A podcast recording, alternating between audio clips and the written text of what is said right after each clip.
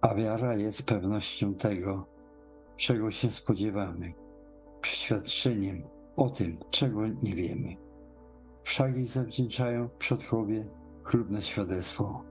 Przez wiarę poznajemy, że światy zostały ukształtowane Słowem Boga, tak iż to, co widzialne, nie powstało ze świata zjawisk. Bez wiary nie można podobać się Bogu. Kto bowiem przystępuje do Boga, musi uwierzyć, że On istnieje i że nagradza tych, którzy Go szukają.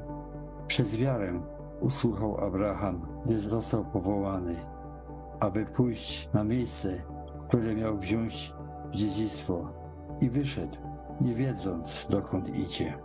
Przez wiarę również sama Sara otrzymała moc poczęcia i to mimo podeszłego wieku, ponieważ uważała za godnego zaufania tego, który dał obietnicę.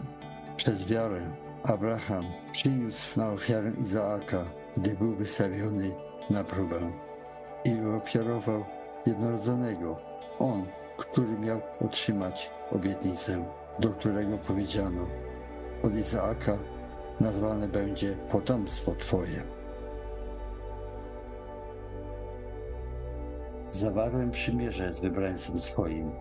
Przysiągłem Dawidowi, słudze swemu, na wieki utwierdzę potomstwo Twoje i tron Twój zbuduję po wszystkie pokolenia. Sela.